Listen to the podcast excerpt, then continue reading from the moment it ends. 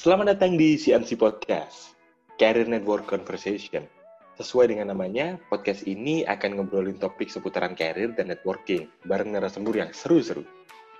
Podcast kali ini kita akan ngobrolin salah satu elemen penting dalam proses kreasi, yaitu produktivitas.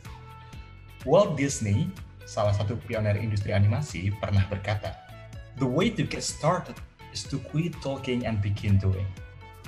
Visi tak hanya sekedar ide yang diucapkan, namun juga bagaimana individu dan organisasi mengimplementasikannya. Kali ini, kita kedatangan tamu yang dikenal secara luas sebagai seorang traveler, travel blogger, dan content creator. Satya Winnie. Ia sudah melanglang buana ke berbagai penjuru daerah di Indonesia dan mancanegara.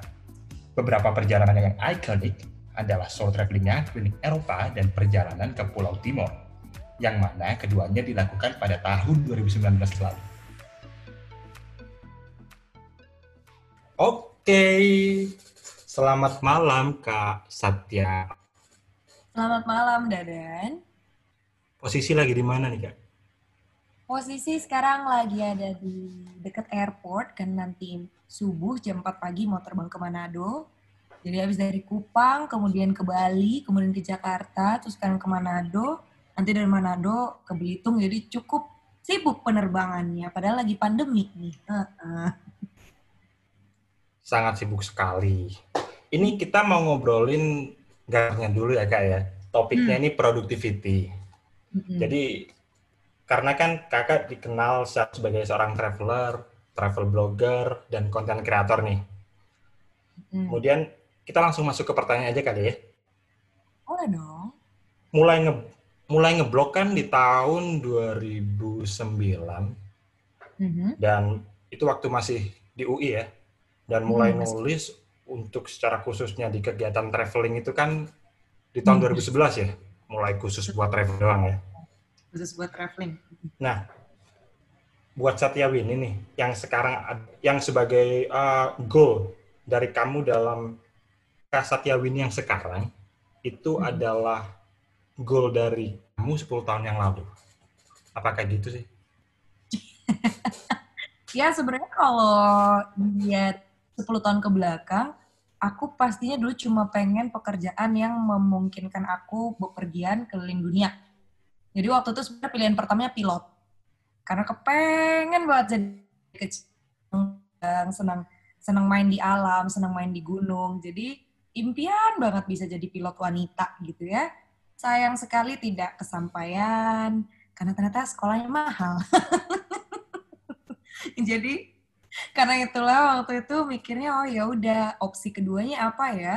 Aku ngelihat tour leader ya dulu ya, tour leader dan kayak kok rasanya seru ya bisa pergi ke banyak negara tapi dibayar juga gitu. Kalau waktu itu kan belum populer ya untuk profesi sebagai travel blogger, travel content creator itu zaman itu belum ada gitu tahun-tahun masih di SMA tahun 2006, 2007. Pokoknya mikirnya oke okay, aku senang nulis karena dari dulu memang uh, ikutnya Olimpiade Bahasa Indonesia malah dulu karena kerjaannya ikut kompetisi pidato. Jadi senang orasi, senang pidato, senang nulis. Kemudian senang motret gitu dulu pegang kamera pocket tuh ke mana-mana kamera pocket Panasonic yang kecil banget masuk ke kantong ini ya kantong seragam sekolah gitu apa apa motret apa apa motret. Jadi anak-anak itu udah kenal juga aku sebagai si tukang foto gitu kalau misalnya lagi jalan-jalan. Akhirnya kepikiran kenapa aku nggak ngambil pariwisata aja gitu sekolahnya. Akhirnya ikut uh, tes waktu itu di UI sama di uh, eh, NH Bandung sekolah pariwisata juga ya kan. Keterimanya di dua-duanya tapi akhirnya milihnya di UI sempet yang kayak ini benar nggak ya pilihannya masuk UI buatku waktu itu ternyata bener banget karena malah masuk pecinta alam masuk ke pecinta alam Universitas Indonesia. Di situ sebenarnya jalannya dibuka lebih banyak karena ketemu dengan senior seniorku yang notabene anak Mapala UI yang pertama kali kerja di Kompas.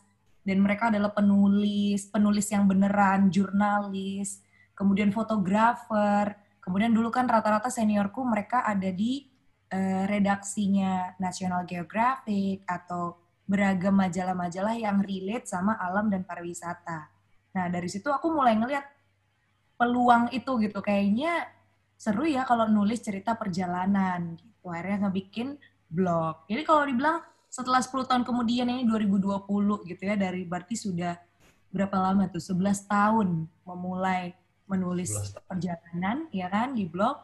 Ya, I'm living my dream now. Dulunya kan sempat ngantor sampai tahun 2016 dan akhirnya resign. Ini berarti udah jalan empat setengah tahun eh, benar-benar menggeluti full time travel blogger. Jadi freelance sebenarnya enak nggak enak ya? Enaknya mungkin teman-teman mikirnya wah enak ya di jalan dibayar gitu. Tapi di satu sisi juga kamu benar-benar harus jadi kayak orang yang benar-benar disiplin, baik itu dalam waktu, manajemen keuangan, kemudian harus belajar banyak sekali skill yang di luar hanya menulis dan memotret atau bikin video. Gitu dan. Oke, karena influencer pekerjaan yang sekarang itu ada suka dukanya. Ada nggak sih keinginan untuk balik lagi kerja ngantor di balik meja atau ya, kalau di balik job desk yang udah ada? Kalau sekarang sih enggak, karena aku sangat menikmati uh, mengatur semua pekerjaanku sendiri. Aku berpindah dari satu tempat ke tempat lain. Aku senang sekali jam kerja yang fleksibel tapi aku tidak pernah mengatakan atau membuat statement pekerjaan kantor itu tuh tidak menyenangkan.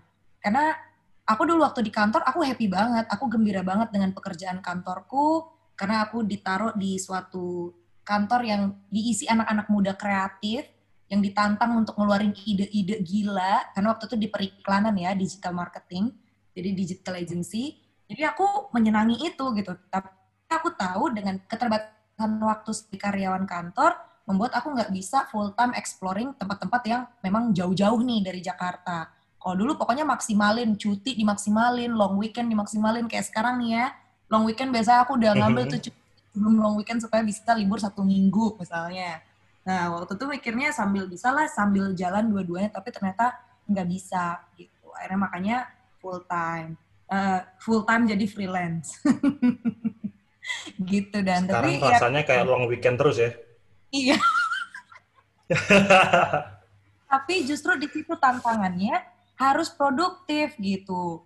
Meskipun kerjaan yang nggak ada jadwalnya, tetap harus punya, aku tetap punya kalenderku sendiri gitu. Hari ini mau ngapain, uh-huh. apa yang harus dikerjakan, apa yang harus diselesaikan. Itu benar-benar jadi belajar disiplin diri gitu. Dan benar-benar belajar time management juga karena itu diaplikasikan nggak cuma ketika kita punya pekerjaan kantor, kita punya supervisor atau bos, kita adalah bosnya sendiri, kita adalah karyawannya juga gitu. -huh. Kita yang bikin plan, kita yang eksekusi, kita juga yang harus benar-benar tahu apakah yang sudah kita rencanakan di awal strategi kita ini tercapai atau tidak. Kamu juga yang melakukan analisisnya.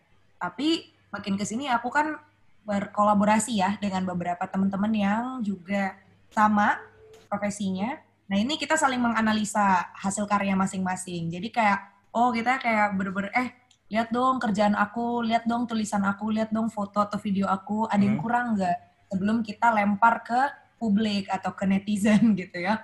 Nah itu senangnya punya, aku punya circle yang super suportif gitu. Mereka akan, kayaknya ini jelek deh saat, kayaknya ini harus diperbaikin deh. Justru kita saling ini ya kayak kayak punya kantor kecil jadi padahal enggak itu semua dilakukan virtual jadi ketika di pandemi ini eh, naik lah, bukan naik lah ya, kayak trennya jadinya working from home, ya aku sih sudah melakukannya dari bertahun-tahun lalu gitu. Jadi bukan sesuatu yang buat aku gitu loh. Trendsetter ya. Iya. Oke nih kak, kita tadi udah disinggung juga tentang pekerjaannya yang sedang digeluti. Sebagai seorang travel blogger atau travel influencer, bagaimana sih perspektif kamu tentang pekerjaan ini? Mungkin banyak orang udah salah kira atau orang nggak tahu karena orang kan ngelihatnya ini semacam pekerjaan yang pekerjaan yang harusnya hanya mengisi waktu luang bagi orang lain. Hmm. Jadi kita pengen tahu nih lebih detail tentang dukanya, strugglingnya itu di di mana gitu. Oke, okay, kalau misalnya kita ngomongin soal struggling. Struggling yang pertama mungkin satu nggak boleh males. Itu benar-benar luar biasa challenging buat aku yang dulu kayak ya aku memang seneng jalan aktif tapi aku juga ada malasnya juga. Nah ketika udah punya pekerjaan ini beneran nggak boleh Hmm. malas sama sekali. Ketika kamu syuting atau kamu eksplorasi satu tempat kamu harus sedia bangun dari jam 3 subuh hanya untuk ngejar sunrise. Dan kamu harus sedia tidur larut banget karena kamu nungguin posisi Milky Way tepat di atas kepalamu kamu harus nungguin kameramu tengah malam dingin-dingin muter buat bikin star trail 4 sampai 5 jam. Kamu harus siap dengan segala kondisi gitu kan. Jadi sebenarnya orang ngelihat hasilnya aja kan di sosial media padahal yang dibikin di belakangnya itu luar biasa sulit juga gitu. Fisik nggak boleh kendor sama sekali apalagi di saat pandemi kayak gini. Imunitas kita penting buat dijaga sampai kayak ini karena aku udah mulai bepergian untuk pekerjaan jadi bukan pelesiran ini benar-benar untuk pekerjaan karena kerjaanku memang begini itu jadi kayak makin proteksi diri gitu nah itu benar-benar mulai dari proteksi yang kita yang konsumsi seperti makanan vitamin minuman dan juga proteksi dari luar semacam asuransi dulu aku memang anaknya begajulan banget lah nggak mikirin asuransi nggak mikir Mhm. hidup gini-gini aja gitu. Tapi ternyata ketika aku kecelakaan tahun 2016, aku kecelakaan para layang waktu itu tangan kananku ini patah, hancur. Eh, di situ aku baru menyadari bahwa pekerjaan yang aku geluti ini memang resiko tinggi gitu. Kalau dulu kan masih muda ya, masih yang kayak eh, ya muda dan agak bodoh gitu. Kalau sekarang hmm, udah nggak bodoh, bodoh banget lah.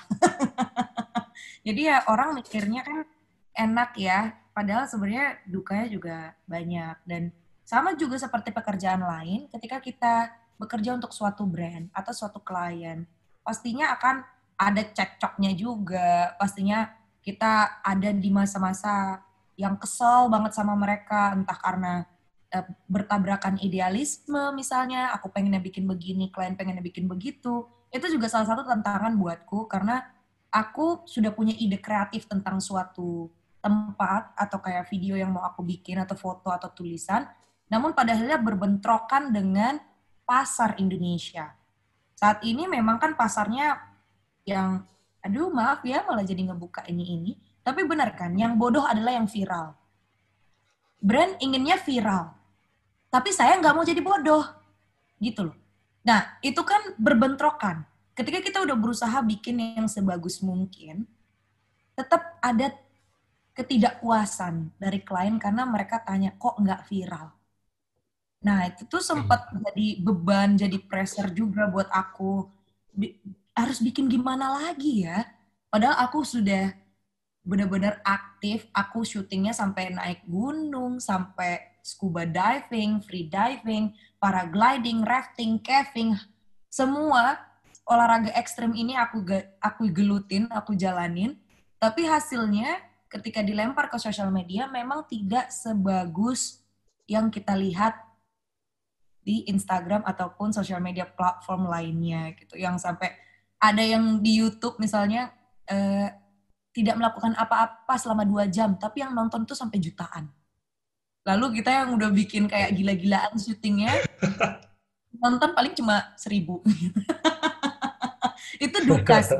Buat kami sedih, buat travel content creator yang memang benar-benar ngerjain travel, itu salah satu bagian yang kita bisa jadi depresi, frustasi juga gitu.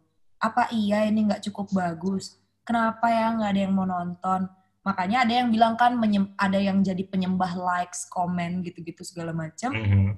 untuk mendapatkan itu memang either jadi great banget kayak memang itu pecah dalam artian orang belum pernah lihat yang sebelumnya terus tiba-tiba ada dan mereka kayak wow gila nih gitu bagus banget misalnya itu terjadi kalau kita sedang eksplorasi destinasi baru biasanya dan itu biasanya bisa jadi viral banget ingat kan beberapa waktu lalu kayak daerah-daerah di Jawa Timur, di Jawa Tengah yang kayak orang nggak pernah tahu itu di mana, tahu-tahu ada yang posting, nah itu bisa langsung bruk gitu, jutaan orang ke sana. Nah, yang seperti itu yang diinginkan klien sebenarnya kan. Tapi kita kan nggak bisa terus-terusan bikin yang seperti itu gitu. Karena tempat wisata kan atau destinasi yang kita kunjungi itu kan orang sudah pernah ada yang ke situ, fotonya berulang, dan biasanya juga kita kan nyari referensi juga dari mereka yang sudah pernah ke sana duluan gitu. Bahkan penulis penulis-penulis yang dulu eksplorasi Indonesia tahun 60-an, 70-an juga mereka sudah sudah pernah ke situ dan kita bukan orang baru gitu. Yang generasi kita ini hanya mengulangi perjalanan itu meskipun ceritanya berbeda gitu kan. Nah, akhirnya kita menjual keunikan cerita dari sisi pandang kita, bukan dari sisi pandang mereka. Jadi, pinter-pinternya kita untuk bikin cerita yang menarik buat orang lain, tapi juga informatif. Nah, itu tantangan yang besar banget sebenarnya, gitu. Salah satunya. Jadi selain capek fisik, capek mental juga, dan kau harus dituntut jauh kreatif, beyond the box, out of the box, bener-bener yang kayak pikirin yang orang belum pernah bikin sebelumnya. Nah itu tuh capek banget mikirinnya, tapi sebagai anak muda atau insan kreatif gitu, kita justru tertantang dan gak apa-apa dia nggak tidur berhari-hari hanya untuk riset, hanya untuk kayak nyari tahu harus kayak gimana lagi ya kita bikin ini gitu. Aku harus ngeluarin sesuatu, aku harus ngeluarin karya yang memang belum pernah ada sebelumnya. Tapi kan itu trial and error. Jadi kayak kadang berhasil, kadang juga enggak. Kadang dipuji, kadang dihujat, ya kan? Jadi iya gitu loh.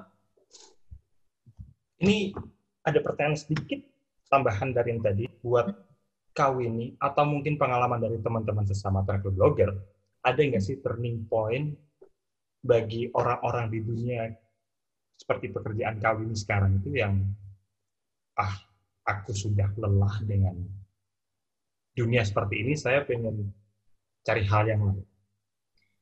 Kalau turning point sebenarnya balik lagi ke tiap-tiap pribadi pasti ada rasa jenuhnya dan pasti jenuh.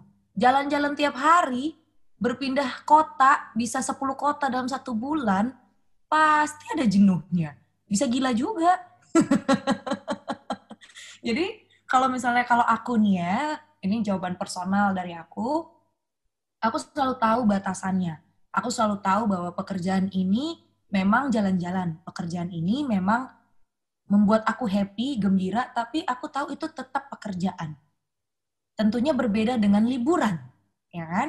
Jadi aku pasti akan tahu titik di mana aku udah benar-benar capek banget ngerjain semuanya ini, ngerjain konten ini untuk pekerjaan, dan biasanya aku selalu ambil 2-3 bulan hanya untuk jalan-jalanku pribadi, yang tidak ada pressernya, yang tidak ada sama sekali tuntutan dari klien, harus begini, harus begitu, bikin ini, bikin itu, tapi aku bener-bener pengen sendirian gitu. Aku kan memang basicnya solo traveler. Aku basicnya memang seneng jalan-jalan, dibayar ataupun tidak dibayar. Pun kalau tidak ada profesi ini, sampai tua pun aku akan tetap jalan-jalan. Gitu kan? Karena memang udah memang senang gitu. Nah, akhirnya aku mikirnya kayak ya udah kalau masalah turning point itu mungkin nanti ketika mungkin aku menikah mungkin ya karena kan kalau perempuan okay. kan ya, uh -uh. kalau mikir oh iya ya harusnya aku udah umur segini nih terus harus mulai cari-cari soulmate nih, ya kan? Baru mungkin di situ aku kepikiran, oke, okay, ini mungkin harus di pause sebentar. Tapi bukan berarti aku berhenti. Karena aku udah janji sama diriku sendiri dari kecil, I'm going to explore the world, I'm not going to stop. Jadi betul-betul akan tahu di mana saatnya hanya istirahat sebentar, kemudian nanti dilanjut lagi. Kayak misalnya pandemi COVID-19 ini pun membuat aku berhenti cukup lama loh, kemarin setengah tahun Bayangkan aku nggak pernah berhenti sama sekali jalan, terus tiba-tiba, wow, diem di rumah gitu. Tapi itu tidak buat aku stres sih kemarin, karena aku melihat itu dari sisi yang lain dan aku tidak pernah ada di rumah. Aku tidak pernah melihat orang tuaku. Aku hanya lihat mereka dari video call setiap hari minggu. Jadi ketika aku punya waktu setengah tahun di rumah itu berharga sekali buatku kemarin. Karena aku bisa melihat mereka, aku bisa masak makan makanan mama gitu dan aku tidur sama orang tuaku karena ketika kita bertambah besar kita juga lupa orang tua kita juga bertambah tua jadi kalau kemarin banyak banget yang lu karena aduh jadi job nggak ada nih nggak bisa traveling nih atau apa segala macam aku mencoba ngelihat itu dari sisi yang lain. Coba deh nggak ngeluh. Coba deh lihat sisi di mana kita membiarkan alam juga beristirahat sebentar dari over tourism, dari overcrowdednya orang-orang yang selalu bahkan naik gunung aja juga sekarang udah kayak pasar gitu kan. Nah, ayo habiskan waktumu sama keluargamu gitu. Lihat sisi positif dari ini sekarang saling jaga, saling saling support gitu supaya semuanya juga sehat gitu kan. Jadi ya gitu dan kemarin mikirnya ketika ada turning turning point yang aku akan mungkin berikutnya setelah pandemi ini adalah turning point ketika aku memutuskan untuk berkeluarga gitu kali ya. Tapi nggak bakal berhenti, nggak bakal jengah, nggak bakal jenuh, pasti akan lanjut terus. Oke. Okay. Bagaimana Satya Wini menginterpretasikan produktivitas? Apakah Kak Satya ini punya standar tertentu? Entah itu jumlah tulisan yang harus ditulis dalam setahun, posting media sosialnya harus di mana, engagement media sosial, atau malah ke pendapatan? Pastinya ada, Dan. Hidup kita nggak akan fun kalau nggak ada targetnya. Hidup kita nggak akan seru kalau misalnya kita nggak mau menentukan uh, titik finish yang artinya setiap kerjaan yang kita buat harus ada targetnya. Nah, itu makanya relate sama yang aku bilang tadi kedisiplinan diri. Ketika kau menjadi seorang travel blogger, ketika kau menjadi um, ya content creator, kau yang harus punya manajemen target kontenmu seperti apa, reach-nya seperti apa, karena itu juga yang kita jual kepada klien. Karena ketika mereka menawarkan suatu kerjasama, mereka menawarkan partnership, pastinya mereka akan melihat profil kita dulu. Nah, profil ini kan yang bisa perbaikin angkanya, yang bisa membuat itu terlihat menarik adalah kita sendiri gitu. Baik dari jenis kontennya, baik dari jumlahnya. Oleh karena itu penting sekali bikin target, penting sekali untuk kalau aku pribadi misalnya satu minggu aku tapi ini lagi kalau untuk tulisan blog emang agak kendor lagi kendor banget dan biasanya dulu hmm. 2 sampai 4 bulan satu bulan.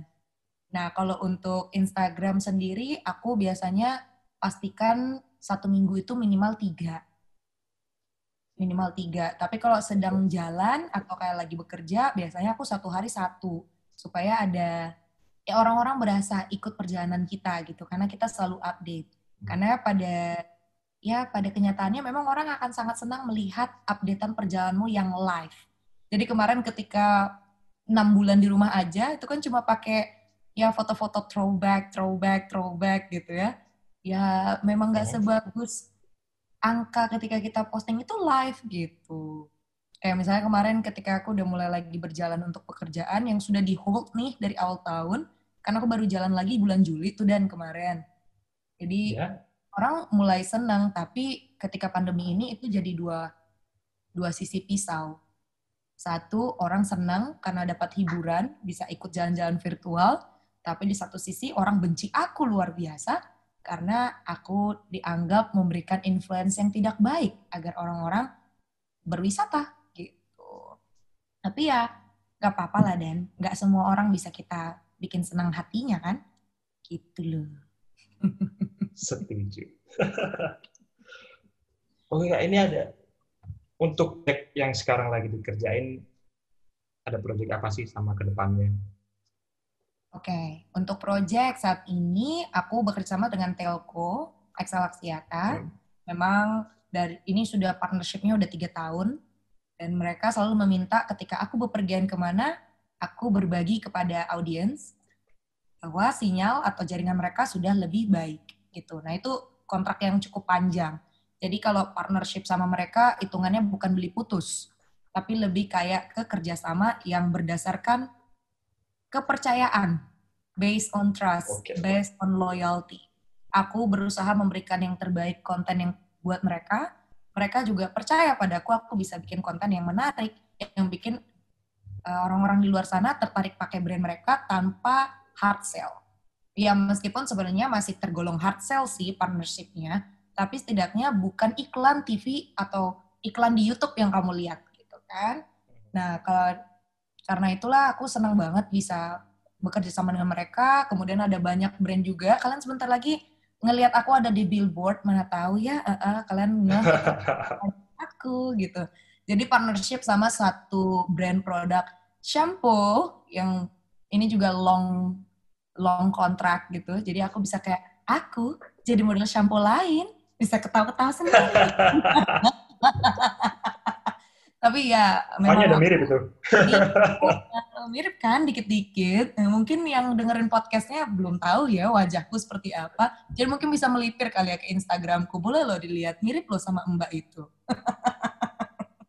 gitu kan. Tapi pastinya kalau untuk project pribadi, aku mau melanjutkan S2 sebentar lagi. Harusnya tahun ini berangkat, tapi tertunda karena COVID-19 jadi insya Allah kalau nggak tahun depan, dua tahun lagi. Tapi memang itu adalah goal terbesarku.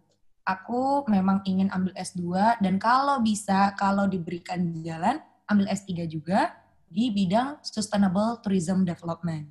Karena memang aku kan sarjananya pariwisata dan aku tentunya yeah. bukan hanya ingin menjadi content creator saja, tapi ingin juga menjadi pembuat kebijakannya, ingin masuk ke dalam susunan birokrasi itu agar aku juga bisa memberikan insight-insight baru demi pengembangan pariwisata kita di Indonesia, tapi tentunya berkelanjutan dan ramah lingkungan. Jadi memang itu sudah dari dulu goalku seperti itu. Aku nggak mau cuma jualan tempat, aku nggak mau cuma jualan kecantikan, keindahan, tapi SDM kita masih sangat jauh dari level mengerti apa itu tourism yang sustain pariwisata yang berkelanjutan. Karena kalau cuma cuma dijual, ngedatengin jutaan orang ke satu destinasi itu rusak, ya sudah ditinggalkan. Begitu kan? Sedangkan kita ingin satu destinasi ini, kalau bisa satu negara ini akan tetap sustain, akan tetap menjadi negara yang mendapatkan devisa dari pariwisata, yang tentunya butuh peran kita anak muda nih bergabung di dalamnya. Bergabung untuk menjadi pemikirnya juga bukan cuma sekedar pemasarnya, tapi juga eksekutor semua aturan-aturan yang sekiranya nanti harus kita perbaharui gitu loh. Kita harus ikut dengan zaman, kita harus bisa beradaptasi. Nah ini tantangan juga buat kita gitu loh. Jadi aku bisa dibilang kakiku berdiri di dua titik nih. Satu memang aku adalah content creatornya, travel content creator, tapi di satu sisi aku juga pengen jadi pemikirnya gitu. Menurut saya aku pengen juga jadi bagian dari pemerintah gitu. Karena semoga jika aku bergabung di dalam situ dan aku bisa memberikan banyak bantuan gitu. Karena kadang banyak ya pemerintah clueless gitu harus ngapain ya? Harus harus gimana ya? Destinasinya harus diapain ya? Dan banyak sekali strategi yang menurutku pribadi salah diaplikasikan di beberapa tempat karena Indonesia dari barat sampai timur semuanya beda dan semuanya punya potensi masing-masing dan kamu nggak bisa pakai satu strategi aja gitu. Jadi ya doakanlah ya target besarnya bisa tercapai nanti gitu. Pengen kolaborasi sama anak UGM juga pasti. loh. Sebagai anak UGM, aku juga berkolaborasi dengan anak pariwisata UGM. Jadi kita pengennya nanti I dan UGM ini kita benar-benar begini nih ya, benar-benar berteman, kolaborasi baik untuk membangun pariwisata Indonesia yang lebih keren, lebih sustain gitu. Saya berharap itu akan segera terwujud. Kau kok sampai bengong. Kak Satya, ini ada satu pertanyaan, tolong dijawab dengan satu kalimat. Oke. Okay. Sesingkat mungkin kalau bisa. Oke. Okay. Apa, Kak, bagaimana kamu melihat dirimu lima tahun ke depan? Kamu kayak HRD, ih. Kayak lagi ini interview kerjaan. Lima tahun ke depan, saya melihat saat jauh ini sebagai tetap pejalan yang membuat banyak konten destinasi wisata di Indonesia dan juga dunia. Tapi juga saya melihat diri saya sudah lulus S2 atau mungkin S3, sudah jadi PhD, ya kan? Untuk bisa bikin yang bekerja di dunia pariwisata bisa jadi lebih sejahtera bukan cuma pelaku pariwisata dari sisi marketingnya saja, tapi juga seluruh masyarakat yang ada di dalamnya. Karena gimana pun ketika kita ngomong pariwisata, itu adalah satu yang terintegrasi. Banyak sekali yang akan terlibat di dalamnya. Dan aku ingin sekali bisa masuk untuk bikin orang-orang lain gembira, bahagia, sejahtera. Gitu. Gitu. Lihat, semoga ya, semoga masih hidup lima tahun lagi. Semoga semuanya segera tercapai. you all the best. Kak Satyawini, terima kasih banyak atas waktunya. Iya, sama-sama. Udah nyempatin waktu di sela-sela bukannya. Wow. Terima kasih. Seneng banget bisa ngobrol banget. Eh, ngobrol bareng sama Satyawini. ngobrol banget. Semoga bisa semoga bisa ketemu langsung in person ya. Uh, aku nanti main hari nanti. deh atau kalau kamu mampir ke Bali karena kan saya tinggalnya di Bali. Siap, Kak. Terima kasih banyak atas waktunya. Good luck Iya. buat project yang sedang dikerjain sama next project, sama rencana studinya juga semoga lancar dan ditunggu menjadi pembuat kebijakan di Indonesia. Jadi Menteri Pariwisata deh golnya. Asik. Boleh dong. Mimpi setinggi langit dulu. Boleh, boleh, boleh. Mana tahu Belum pernah ada loh itu. Belum pernah ada menteri yang sebelumnya jadi travel blogger kan. Ah, tahu ya kan? Nah, Jadi, iya. Tahu kalau jadi berapa tahun lagi kamu akan keluarkan lagi rekaman podcast ini. Ini loh, ingat gak Satyawini yang pernah di interview di podcast kita? gitu. oh enggak, kita interview ulang. Interview ulang. Iya Interview bener. bener kita nanti. Iya. Amin, amin, amin. Oke, ya, Oke, terima kasih ya ya. ya, terima kasih banyak. Sehat selalu ya. Sehat selalu. sama- Iya.